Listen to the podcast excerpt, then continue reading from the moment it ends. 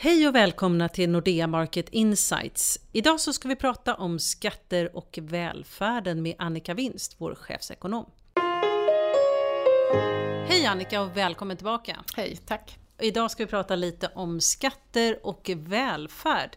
Så den första frågan är faktiskt hur mycket får välfärden kosta? Ja, det bestämmer ju du och jag och alla andra. Vad är vi beredda att betala? Och eh, det handlar ju väldigt mycket om att man måste ha ett väl fungerande system med trovärdighet. Vi är beredda att betala skatt om vi upplever att vi får ut någonting av det där. Man brukar ofta jämföra sig med USA och det, det är en ganska intressant jämförelse för att om man lägger ihop det som amerikanerna betalar i skatt men också det de betalar i försäkringspremier så är faktiskt skillnaden mindre. Då kan man ju ha olika sätt att finansiera välfärden. Men i Sverige är det så att offentlig konsumtion är ungefär 25 procent av BNP, en fjärdedel. Och det är någonstans i det här landet vi ligger. Och hur mycket skatt behöver vi då? Vad är det i pengar så att säga? Ja, det beror ju också på eh, vilken välfärd vi vill ha. Så den första frågan man ska ställa sig det är ju precis hur mycket välfärd vill vi ha? Det ska ju då vi väljare eh, önska. Det här tycker vi är en rimlig nivå. Sen gäller det då att se till att ta in pengar för att kunna finansiera det och då är ju skatter en viktig del. Och då ska man förstås ha så bra skatter som möjligt, så, så lite skadliga skatter som möjligt. Och idag så får vi in ungefär 1600 miljarder. Staten tar in ungefär 900 eh, miljarder i, i skatter. Och vad är en bra skatt? Ja, eh, när jag var ung så fick jag lära mig att det finns fyra skatter på F som man brukar prata om och då är det fordonsbränsle och föda och båda de två är bra för att eh, de kör man upp eller äter upp om man åker någonstans för att handla. Så är det fattiga för att fattiga inte kan flytta. Och sen, hör och häpna, är det fastighetsskatten, den som alla eh, avskyr i Sverige, eller, utom ekonomer. Och fastighetsskatten var förstås inte bra som den var utformad tidigare om man hade behövt förändra men det betyder ju inte att man ska slänga ut babyn med badvattnet utan fastighetsskatt är en bra skatt för att den har små snedvridningseffekter som är negativa för samhället. Vad tycker du är en bra fastighetsskatt? Den måste också vara trovärdig. Folk måste uppleva att det är rimligt. Men det som är bra med fastighetsskatten det är ju att den går inte att flytta och det är också en viss omfördelning. Folk som har det bättre ställt har ofta dyrare fastigheter, det vill säga då betalar de också mer i fastighetsskatt. Så om man vill ha någon form av transferering i systemet så är den bra ur den aspekten också. Men om vi tittar på de som är sämre då? Ja, skatt på arbete är inte bra. Det betyder att det påverkar ju människor hur man agerar. Tröskeleffekter, det vill säga att om du blir av med ett bidrag, om du tjänar mer i inkomst. Där har du en sån där snedvridningseffekt som är dum att ha i ett system. Så det är den sortens skatter man ska passa sig för. Men också lättrörliga skatter. Skatter som lätt kan lämna landet och då är ju den värld vi lever i idag mycket mer eh, lättrörlig. Både du som individ men också som företagare och kanske också vad vi tänker konsumtion eh, i framtiden i större bemärkelse gör att det kommer vara svårare att beskatta det som är lättrörligt. Så att man, man ska välja ut vilken nivå vill vi ha på oss och sen ska man ha skatter som då stannar här och har så små negativa effekter för vårt beteende som möjligt. För att ha råd med den välfärd vi har idag så finns det ju en hel del saker som vi måste komma till bukt med.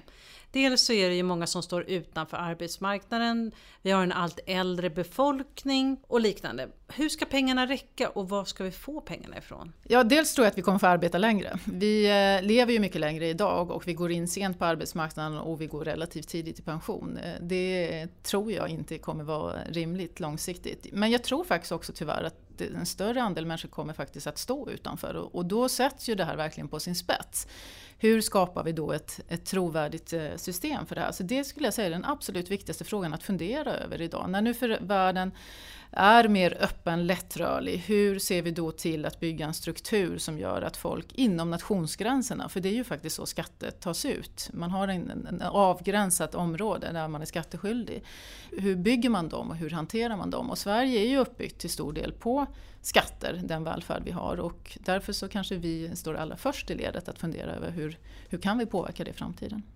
Man pratar mycket om digitalisering i dessa dagar och att det skulle då vara svaret på välfärdsproblemet.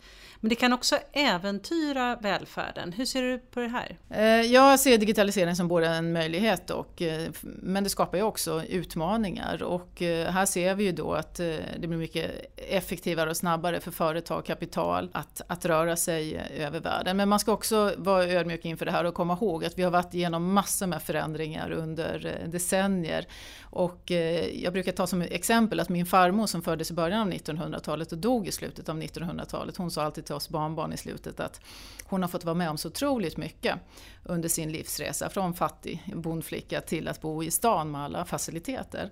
Och eh, än så länge leder farmor fortfarande utvecklingen och det kan vara bra att ha i bakhuvudet när man då dunkas i huvudet av all, all den här nya digitaliseringen och möjligheterna och utmaningarna som vi står inför. För nya företag som startar i den här eran, de är ju inte riktigt fast i Sverige heller. Hur ser du på det med det här med virtuella arbetsplatser och liknande? Tror du att det är framtidens modell? Ja, eh, ur många aspekter så måste man ju fundera. Alltså mer lättrörliga företag där man också har människor som kommer från många olika länder, eh, de kan ju flytta dit eh, förutsättningarna är som bäst. Och det är väl det man behöver ha i bakhuvudet när man bygger ett skattesystem. Och det är därför, om jag får komma tillbaks till fastighetsskatten, som den är bra, för den står i Sverige. Den är en skattebas här.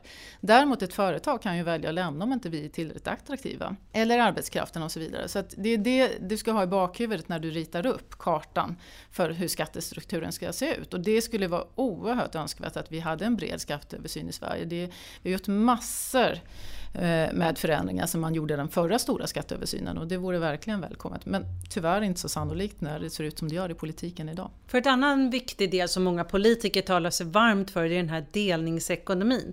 Är det svaret på våra jobb och skatteintäkter? Ja, det är spännande med delningsekonomin eh, och eh, det är klart att den kan påverka eh, skatteuttaget på sikt vad gäller moms. För konsumtionsskatt är ju en bra skatt. Om du och jag byter bostad eller bil eller så vidare så betalar vi ingen moms. Så det är kanske något man ska fundera på i framtiden. Men samtidigt är det oerhört viktigt att komma ihåg att delningsekonomin är pytteliten idag. Min kollega Andreas Wallström skrev ett roligt papper som ligger på Nexus om ni vill läsa om, om delningsekonomin. Där vi kom fram till att just idag motsvarar det en päronkonsumtion i Sverige om tio år, om det växer i den snabba takt som det gör idag, så är vi uppe i pizzakonsumtionen. Alltså det är fortfarande en väldigt, väldigt liten del. Och då betyder det att det finns andra saker som är mycket viktigare för politikerna att lägga sin kraft på. Som exempelvis?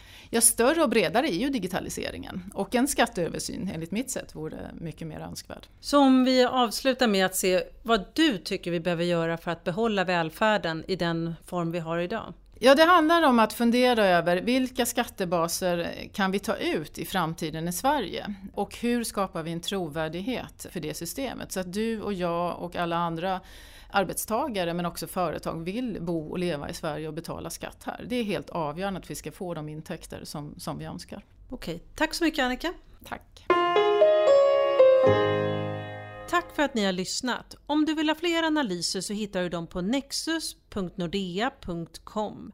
Du kan också prenumerera på något av våra nyhetsbrev som du hittar på nordea.se markets. Välkommen tillbaka!